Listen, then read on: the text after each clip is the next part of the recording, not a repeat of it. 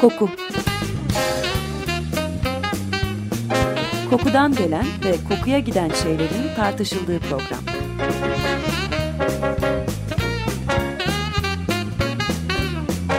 Hazırlayan ve sunan Vedat Ozan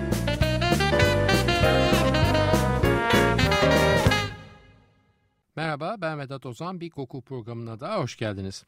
Bugün Çin beşlisinden bahsedeceğiz. Yok yanlış anlamayın Marksist terminoloji içinde yer alan beş usta kavramına girmeyeceğiz. Zaten bu kavramın her kesim tarafından kabul edildiği de tartışmalı olduğundan üstelik de kokuyla da fazla ilgisi bulunmadığından doğal olarak bizim kapsama alanımızın dışında kalıyor. Ama gene de merak edenler için bu beş usta nedir çok kısa bir açıklayayım sonra geçelim Çin beşlisine. Evet Marx ve yoldaşı Engels'in oluşturduğu Marksist düşünce akımının hayatın pratiğine dahil olma sürecinde bu süreçleri yöneten önderler kendi isimlerini teorik altyapıyı oluşturan bu muhteremlerin isimlerinin yanına kayıt düştüler. Marksist pratiğin ilk uygulanır olduğu ülke olan Rusya'da Sovyetler Birliği Komünist Partisi'nin önderi olan Vladimir İlyich Ulyanov yani Lenin'le başlayan bu akım daha sonra Lenin'in ardılı olan Stalin'le devam etti. Ancak Marksist felsefenin pratiğe dönüştürülme çabaları her ülkede aynı yol ve yöntemi izleyemiyordu. Neden? Çünkü teoride öngörülen ve Rusya'da da devrimin ana motoru görevini üstlenen işçi sınıfı yani proletarya Marksizme gönül vermiş devrimcilerin bulunduğu her ülkede aynı güç ve yoğunlukta değildi. Mesela Çin örneğinde yetkin bir proletaryadan bahsetmek olası değildi. Çünkü bu ülkede sanayileşme dolayısıyla işçi sınıfı son derece güçsüzdü. Bu nedenle Çin Komünist Partisi ve önderi Mao Marksist felsefeyi kendi ülke koşullarına adapte etmeye çalışarak ve devrimin ana motoru görevini proletarya yerine köylülere vererek Marksist felsefeyi kendi özelinde pratiğe dönüştürdüler. E bu da haliyle Mao'nun isminin de Marx, Engels, Lenin ve Stalin'in yanında telaffuz edilmesi gereğini beraberinde getirdi. Tabi bunu söylerken daha Çin devrimi sırasında başlayan ufak çatışmaların özellikle Stalin'in ölümünden sonra zirveye çıktığı Çin-Sovyet çekişmesini dikkate almak zorundayız. Neden? Çünkü bu çatışmanın zirveye çıktığı ve Çin Komünist Partisi'nin eski yoldaşı Sovyet Rusya'yı baş düşmanları arasına alarak üç dünya teorisini ortaya attığı 70'li yıllarda Sovyetler Birliği yandaşı olan kimseler doğal olarak kendilerini düşman sayan Mao'nun ismini diğer dört ismin yanında anmıyorlardı. Hatta ve hatta Hruşçov'un Sovyetler Birliği Komünist Partisi 20. Kongresinde Stalin'e dönük olarak yaptığı sert eleştirilerin ardından bu muhteremin ismi de listeden çıkarılmış ve Marksist olma iddiasında bulunan sol dünya net bir çizgiyle ikiye ayrılmıştı. Sovyetler Birliği Komünist Partisi'nin politikalarını savunanlar Marx, Engels ve Lenin'in resimleri altında yürüyüşler yapıyor. Çin Komünist Partisi politikalarını savunanlarsa Marx, Engels ve Lenin'e ek olarak Stalin ve Mao'nun da portrelerini taşıyorlardı. Bu durumdan da anlaşılacağı üzere 5 usta tanımı Çin Komünist Partisi politikalarını benimseyenler tarafından dillendirilen bir tanımdı. Biz bu tartışmanın içinde elbette bu program çerçevesinde yer almayacağız. Ancak felsefeyi kuramsallaştıran Marx ve Engels dışındaki diğer tüm isimlerin aslında ve net olarak ve pratikte devlet aygıtını temsil eden birer otorite figürü olduklarının altını çizmekle yetineceğiz. Evet Çin Komünist Partisi politikalarını destekleyenlerin dillendirdiği 5 usta tanımındaki 5 rakamının aslında Çin kültürü içindeki yeri bütün bu anlattıklarımdan da ayrı ve öncül olmak üzere oldukça önemli. Binlerce yıllık bir prensip var Çin dünyasında ve buna da beş element prensibi deniliyor. Nedir bu beş element? Ağaç, ateş, toprak, metal ve su. Bu beş element iki yoldan etkiliyor birbirini ve hayat bu elementlerin ilişkisi daha doğrusu dengesi üzerinden sağlıklı yürüyebiliyor ancak. Bu beş element iki yoldan etkiliyor birbirini demiştim. İlk yol olan anaç yolda şu ardışık dizini görüyoruz. Tahta ateşi besler, ateş toprağı veya külü yaratır, toprak metali doğurur, metal suyu taşır, su da ağacı besler. Bunun tersindeki babaç veya pederşahi yolun ardışık dizini ise şu şekilde ağaç toprağa deler, toprak suyu emer, su ateşi söndürür, ateş metali eritir ve metal tahtayı parçalar. Bu beş element prensibine Çinliler Wuqiang diyorlar. Aynı zamanda beş aşama veya beş hareket diye de bilinen bu prensip olgular arasındaki etkileşim ve ilişkileri açıklamakta kullanılıyor. Bunların dengede tutulması Çin kültürü içindeki çok farklı alanlarda kendini gösterebiliyor ve bu alanlar arasında Feng Shui'yi, astrolojiyi, geleneksel Çin tıbbını, askeri stratejileri ve dövüş sanatlarını sayabiliyoruz. Bizim bu haftaki konumuz lezzet katkıları olacak ve dünya üzerinde en bilindik lezzet katkılarından biri olan Çin beşlisi veya diğer adıyla beş baharat tozu da varlık sebebini ve adını işte bu beş elementten alıyor.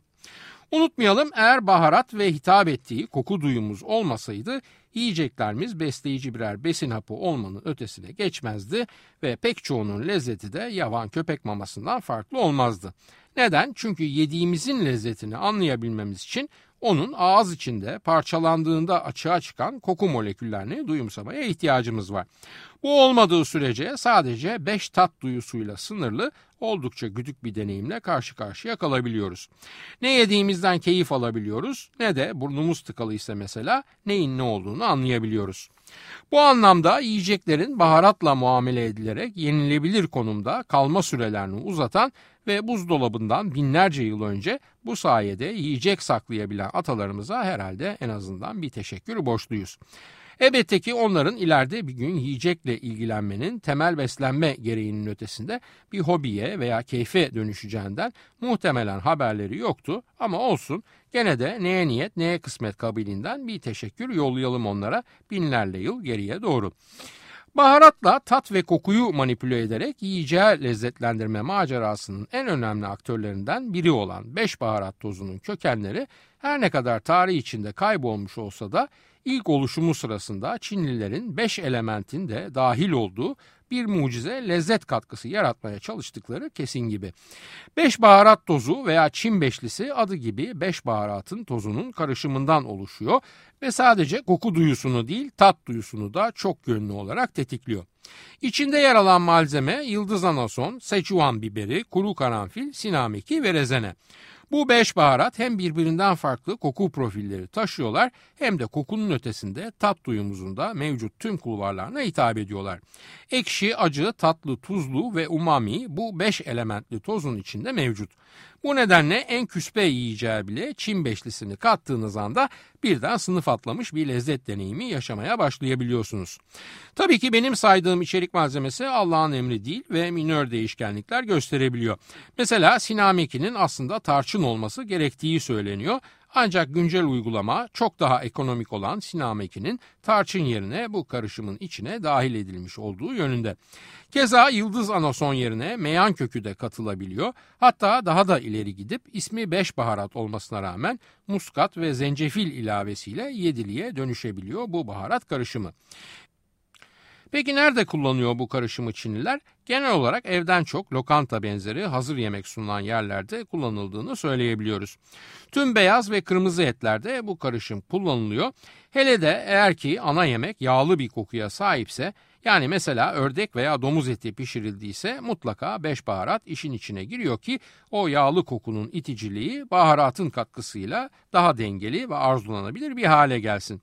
Söylemeye gerek bile yok Çin coğrafyasının dışında Çinlilerin göçtüğü her ortamda yani Çin diasporasının mahallelerinde de bu karışımın kokusuna rastlamak son derece doğal ve olağan bir hale geliyor zaman içinde.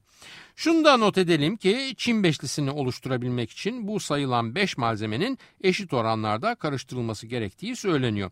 Ancak elbette deneyerek ve kişisel beğenilerimizi de göz önünde bulundurarak bu oranlarda kişiye özel oynamalar yapabiliyoruz. Bir diğer küçük oynamada az biraz Çin beşlisi karışımını bolcana tuzla beraber veya kabaca bir çorba kaşığı tuza bir tatlı kaşığı Çin beşlisi oranını yakalayarak yağsız tavada ve düşük ateşte rengi dönmeye başlayana dek çevirip baharatlı tuz haline getirmek ve et parçalarını ağza atmadan önce bu baharatlı tuza hafifçe bandırarak farklı bir lezzet deneyiminin yaşanmasını sağlamak. Evet müsaadenizle şimdi bu muhterem Çin beşlisini oluşturan baharlı unsurları birer birer tanımaya başlayalım. Çin beşlisinde bugün ele alacağımız ilk malzeme Sichuan biberi. Sichuan biberi aslında bir tür diş budak ağacının meyvesi yani biber ailesiyle uzaktan yakından ilgisi yok sadece isminin biber olması dışında. Daha çok Sichuan bölgesinde bulunan bu ağacın meyvelerinin dış kabukları dövülerek toz haline getiriliyor ve elde edilen aromatik ve yakıcı toz sadece Çin beşlisinde değil oldukça minimalist olan Japon mutfağında bile kullanılıyor. Gerçi Japonlar sadece meyveyi değil onun yapraklarını da kurutup öğütüyorlar ve sansho adını verdikleri bir baharat yapıyorlar ama ağacın meyvelerini de kullandıkları oluyor arada. Bildiğimiz gibi Japon mutfağında baharat kullanımı çok az ancak Çin beşlisinin elzem görüldüğü bazı durumlar yani mesela etin yağlı bir kokusunun olması durumunda falan onlar da bu kokuyu maskelemek için eser miktarda da olsa baharata başvuruyorlar. Seçuan biberinin diğer isimleri anason biberi veya çiçek biberi diye geçiyor. Pas rengine yakın bir kırmızılıktaki meyvelerin içindeki çekirdekler kinin acısına benzer bir tada ve kum gibi bir dokuya sahip olduklarından satışa sunulmadan önce dışarı çıkarılıyorlar ve dövülerek toz haline getirilirken de asla işin içine dahil edilmiyorlar. Toz haline geldiğinde çok çok dipten gelen hafif limon notaları da taşıyan ve gıdıklayıcı, iğneleyici acılıkta bir aroması var. Bu değişik aromada kendisinden sonra gelecek olan acı baharlara altlık oluşturarak bir anlamda uvertür şarkıcılar gibi az solistlere sahneyi hazırlıyor. Seçuan biberinin dile değmesiyle beraber oluşan bu hafif ve belli belirsiz ilkliten uyarıcı duyguyu 9 voltluk bir pili dilinize değdirdiğinizde hissettiğiniz o çok çok hafif elektrik akımına veya sodalı bir içecek yudumlarken dilinizde hissettiğiniz gıdıklanmaya benzetiyor bu işin ustaları. Bu gıdıklayıcı, iğneleyici diye tarif ettiğim lezzet duygusunun sebebi de biberin yapısı içinde yaklaşık %3 oranında yer alan hidroksi alfa sanşol molekülü ve bu muhterem molekül normalde duyarsız diye kabul edilen bazı sinir uçlarını tahrik ederek beynimizde nörolojik bir karmaşa yaratıyor. Eğer öğütülmüş Szechuan biberini wok benzeri yağsız bir tavada hafifçe çevirirseniz gördüğü bu ısıl işlem koku profilini olumlu yönde etkileyerek oldukça keyifli bir biber notasını ön plana çıkarabiliyor.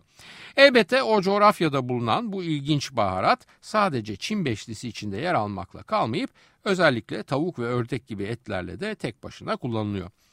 Çin beşlisinde ikinci ele alacağımız içerik rezene. Ama müsaadeniz olursa rezeneye geçmeden bir kahve içimlik ara verelim ve kahvelerimizi içerken de Şirin Soysal'dan dinleyelim Uyur Gezer.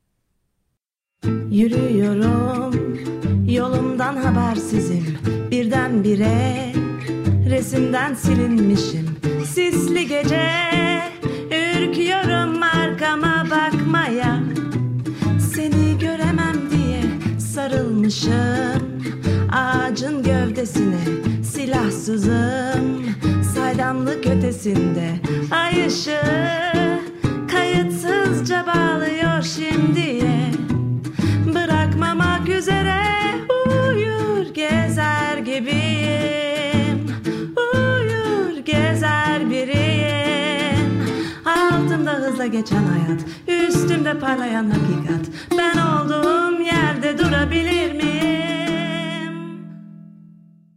Radyosunu yeni açanlar için hatırlatıyorum. Açık Radyo 94.9 Koku programındayız. Ben Vedat Ozan. Şirin Soysal'dan dinledik. Uyur Gezer. Evet Çin beşlisinin içeriğindeki ikinci baharat olan rezenenin İngilizcesi fennel ve bu kelime de Latince foenum'dan geliyor. Foenum da bir tür saman veya ot demek.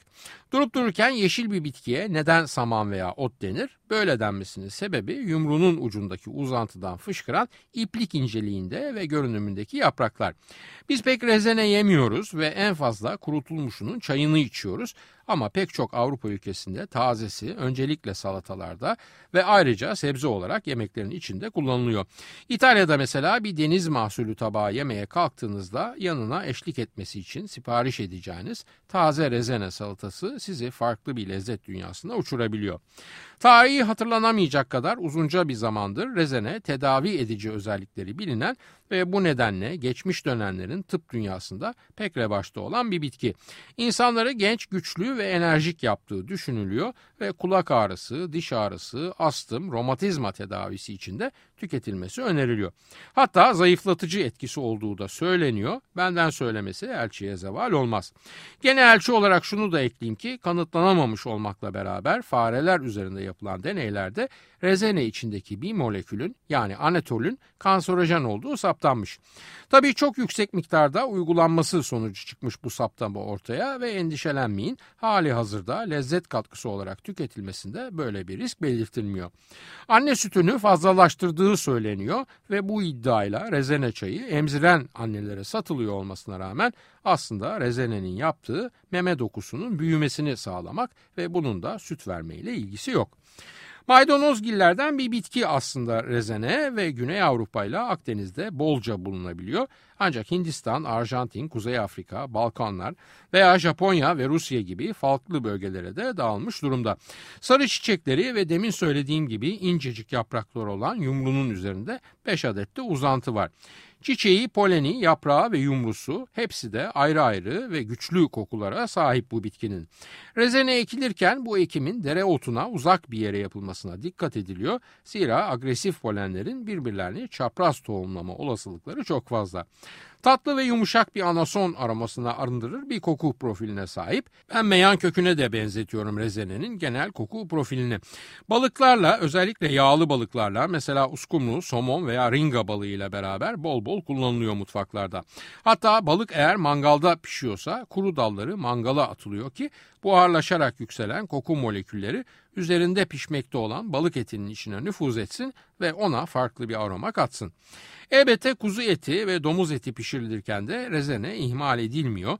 Tohumları dövülerek toz haline getirildiğinde ise mayoneze veya salata soslarına karıştırılarak balığın yanında ikram edilebiliyor. Kuru ve toz haline getirilmiş rezene tohumları tabii ki Çin beşlisi içinde yer alıyor. Ancak sadece bu Çin kökenli baharat karışımına değil, biraz daha uzaktaki Hint Yarımadası'nda hazırlanan ve köri ismiyle tanıdığımız baharat karışımlarının da formülü içinde bol bol yer buluyor. Absint ismiyle bilinen ve yüksek oranda alkollü sert içkinin içinde de rezene var bol miktarda. Karakteristik kokusunu veren anatol isimli bir molekül ki bu moleküle anasonun içinde de rastlayabiliyoruz. Bu molekül aynı zamanda uzo efekti adı verilen ve mesela rakıya su katılınca oluşan dumanlı beyaz renginde sebebi. Efendim üçüncü sırada karanfil var. Tabii karanfil derken karanfil çiçeğini değil kuru karanfili kastediyorum. İngilizcesi clove ve Fransızca tırnak anlamına gelen clove'dan mülhem olduğu söylense de tırnağa benzemesi dolayısıyla bu ismi almış olması Fransızlara değil onu Clovus diye isimlendiren Romalılara ait bir buluş. Şöyle bir deyiş var baharat dünyasında muskat cevizi yetişmek için denizi koklamak karanfilse görmek zorundadır. Buradan da anlaşılacağı üzere karanfil yani Eugenia caryophyllus en çok dört bir yanı denizle çevrili adalarda yetişiyor. Eski yayınlardan hatırlayanınız olacaktır. Bir dönem üzerinde Hollandalıların borusunun öttüğü, hatta biraz fazla kuvvetli öttüğü ve bir diğer isimleri de baharat adaları olan Moluko adaları da tarihin en meşhur karanfil plantasyonlarına sahip olan adalar. Sonraları gelir kaynağına dönüşmesine rağmen başlarda karanfile ve kokusuna ilahi bir kimlik atfetme durumu da var oranın yerlerinde. Hatta çocuklara kuru karanfilden kolyeler yakıp taktırıyorlar ki nazar ve kem gözden uzak olsunlar. Çin'de ise karanfilin önemi daha doğrusu tıbbi olarak önemi ta İsa'dan önce 3. yüzyıla kadar geri gidiyor.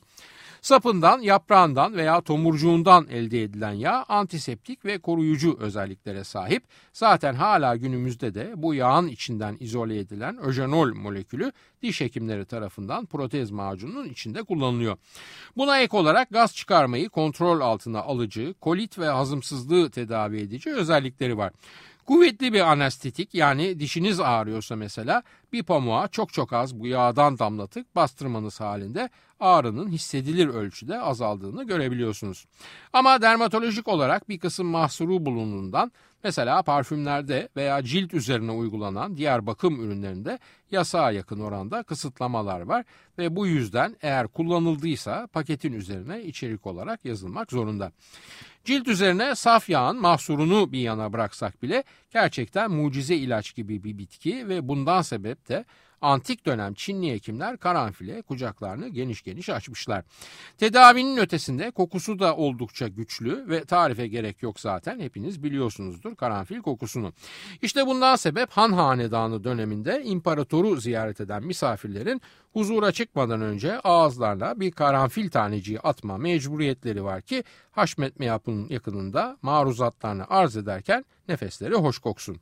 Karanfile karakteristik kokusunu veren ve cinsine göre %70 ile %90 oranında içinde mevcut olan öjonol aynı zamanda pek çok çiçek ve bitkinin içinde de ortak olarak bulunan bir molekül ki bunların içinde bizim Isparta gülü de var. Kuru tomurcuğun %20'si de yağdan müteşekkil. Bu da bereketli bir bitki demek oluyor damıtma işlemi için.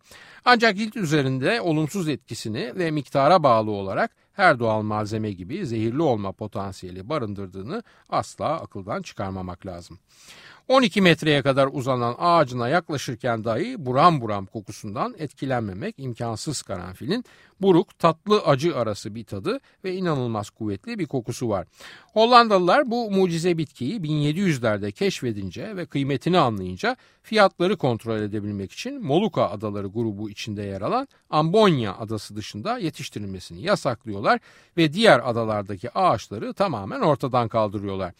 Bu da tabii yerlileri bozuyor. Çünkü az önce anlattığım gibi onlar karanfilin koruyucu gücüne çok inanıyorlar. Ve hatta doğum olduğunda bir de ağaç dikiyorlar ki bu hoş kokulu ağaçla bebeğin kaderi birbirine bağlansın. Yasak bir müddet devam ediyor ve Hollandalılar karlarına kar katıyorlar ama bir Fransız rahip olan Peter Prav kendi vatandaşlarından gelen talep üzerine aynı tarçına yaptığı gibi karanfili de gizlice kaçırıyor adalardan ve Mauritius adalarında korsan ekimini başlatıyor. Oradan Zanzibar, Pemba falan derken tüm Doğu Afrika kıyı şeridine yayılıyor karanfil ekimi. Bir yıl dinlenen bir yılda tomurcuk veren bu ağacın hasadı ancak elle yapılabiliyor. Çünkü aksi halde ürüne zarar gelebiliyor. Karanfil de tahmin edebileceğiniz gibi Çin beşlisinin vazgeçilmez içeriklerinden biri. Şehrazat'ın Binbir Gece masallarını ve içindeki gemici Sinbad'ın hikayelerini hatırlayanınız var mıdır bilmem. Ama şunu da bilelim ki Simbad da aslında karanfil ticareti yapan bir gemiciydi. Bu arada bir yanlışı düzeltelim. O muhteremin ismi Simbad değil Sindbad. Çünkü denizcilik yetenekleriyle ünlü Sindlerden mülhem verilmiş bu isim o muhtereme. Evet dördüncü baharatımız yıldız anason. Latince ismi ilicium verum ve ilicium kelimesi de Latince ilicere'den geliyor. Ilicere atraktif yani çekici, cazibeli demek ve bu isim kokusunun çekiciliğine atfen verilmiş bu meyveye. Anasonla görüntüsü bu kadar benzeşmeyen ancak kokusu bu kadar yakın olan bir başka bitki yok ve bundan sebep zaten yıldız anason diyoruz biz ona. Daha önce bahsetmiş olduğum rezene gibi bunun da içindeki baskın molekül anetol Dolayısıyla rezene için söylenen pek çok şey yıldız anasonu için de geçerli. Yıldız denmesinin sebebi ağacın meyvesinin 8 uçlu bir yıldız şeklinde olması. Biz işte bu yıldızı kurutup baharat olarak kullanıyoruz. Bizler kadar veya Çinliler kadar baharat düşkünü olmayan minimalist Japonlarsa ağacın kabuklarını yüzyıllardır tütsülerde yakmak için toplarlarmış. Sarı ve nergise benzeyen çiçeklerin içinden fışkırıyor yıldız anason meyvesi. Ağaç dikildikten sonra da ancak 6 yıl sonra kendini gösteriyor. Ama bir gösteriyor, pir gösteriyor. Zira ilk meyveyi verdikten sonra ömrü 100 yıla kadar ulaşan yıldız anason ağaçları mevcut. Henüz olgunlaşmadan toplanıyor bu yıldız şeklindeki meyveler ve koparıldıktan sonra olgunlaştıklarında yıldızın her bir köşesinin ucunda kehribar renkli minik birer tohumcuk görüyoruz. Meyvenin hem kabuğu hem de bu kehribar renkli tohumcuğu öğütülerek baharat olarak kullanılıyor. Yıldız anason Çin beşlisi karışımının içindeki en baskın baharat. Tabii Çin dışına çıkıldığında da pek çok kullanımına rastlanıyor ve örneğin Fransızların pastis veya aniset ismi verilen içkileri veya gene sambuca isimli İtalyan likörü yıldız anasondan yapılıyor. Anasondan ucuz ancak çok benzer olması nedeniyle batıda da kullanımı gün geçtikçe yaygınlaşıyor bu meyvenin. Yani kokusunu tarife gerek yok aynı anason gibi diyebiliriz. Eğer havası alınmış bir kavanozda saklanıyorsa şaşırtacak kadar uzun bir sürede dayanabiliyor. Elbette önerilen yöntem kuru ve bütün halde muhafaza edip ihtiyaç oldukça havanda öğütmek Böylece de kuru meyvenin içindeki aromanın en yoğun haliyle içine katıldığı yiyeceği kokutmasını sağlamak. Özellikle et yemeklerinin lezzetine çok fazla katkısı var. Çünkü hem kendinden çok farklı bir şeyler katıyor hem de bir nevi doping vazifesi görerek pişmiş etin saklı kalmış lezzetinin öne çıkarak belirginleşmesini sağlıyor. Bilginiz için Hint ellerinde pişirilen biryani kebaplarının başlıca baharatı yıldız anason. Meyvenin moleküler yapısı içinde bileşenlerin tıbbi yararları sayılmakla bitmiyor. Antimikrobiyal, antioksidan, analjezik, sakinleştirici vesaire vesaire.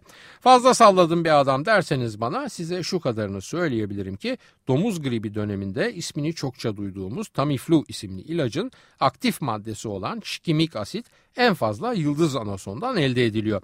2009 salgını ile beraber ilaç şirketleri bu nedenle yıldız anasona saldırınca tabii arz talebe yetişemez oluyor ve yıldız anason fiyatları kısa dönemliğine de olsa yüksek irtifada uçuşa geçiyor. Bugün artık bu sorun değil çünkü Roche şirketi yıldız anasondan elde edilen şikimik asidi E. coli bakterisinden elde etmenin yolunu bulmuş durumda. Çin beşlisinin son üyesi bizde sinameki, batıda ise kasya diye bilinen bir diğer adı da piç tarçını olan ağaç. Bu ağaçtan eski ahitte veya daha da geri gidersek milattan önce 3000'lerde Çin kaynaklarında bahsedildiğini görebiliyoruz. Veya şunu söyleyeyim Tevrat'ta Exodus bölümünde yani Mısır'dan çıkışta Hz. Musa'ya hazırlaması emredilen kutsal yağ formülü içinde sinameki ön plana çıkan içerik maddelerinden biri. Çok türü olmasına rağmen bizim bahsettiğimiz Burma menşeili olanı ve kokusu tarçına çok benzemesine rağmen Sri Lanka menşeili tarçınla karıştırmamak lazım. Bizde bir attar dükkanına gidip sinameki istediğinizde size içinde kuru yapraklar olan bir paket uzatma olasılıkları çok fazla. Ancak bizim bugün bahsettiğimiz onun benzeri bir başka tür ağacın yaprakları değil kabuğu. Tarçınla mukayese edildiğinde daha sert ve daha zor öğütülebilir bir kabuğu var. Ancak bu bazı uyanıkların ikisini karıştırarak tarçın diye satmasının önüne geçemiyor elbette. Tarçına çok benzeş ancak ondan biraz daha hafif bir kokusu ve az daha sert bir tadı var. Tarçın daha çok tatlılarda kullanılırken sinameki tuzlu yemeklerde tercih ediliyor batı dünyasında. Ancak doğuya uzandığımızda onu hem Çin beşlisinin içinde hem de tek başına turşu veya et yemekleri gibi muhtelif tuzlu sunumun içinde görebiliyoruz. Daha doğrusu koklayabiliyoruz. Hem tarçın hem de sinameki 3 metre boyunda ve keklik üzümüyle defneye benzer. Hatta aynı aileden gelen ağaçlar. Yetişmeleri için ılık tropik iklim gerekiyor. Kabuğunun para eder hale geldiğine karar verilince ağaç kesilerek yere yatırılıyor ve üzerinde çalışılabilecek küçüklükte parçalara bölünüyor. Ağaç gövdesindeki gri dış kabuklar uzunlamasına kesilince hemen altından pas kırmızısı renginde kokulu kabuk parçaları belli oluyor zaten.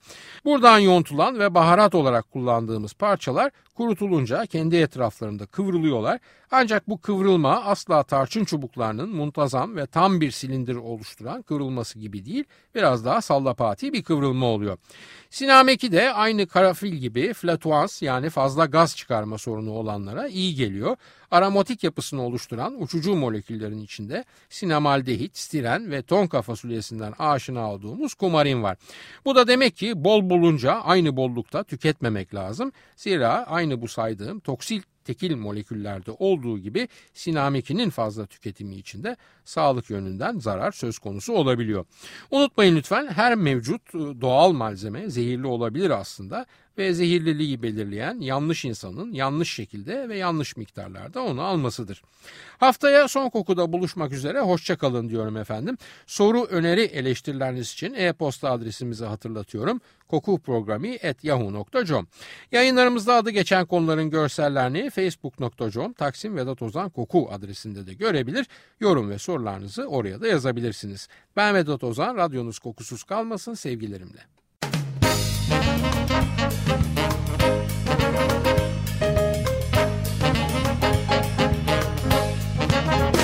Koku Kokudan gelen ve kokuya giden şeylerin tartışıldığı program.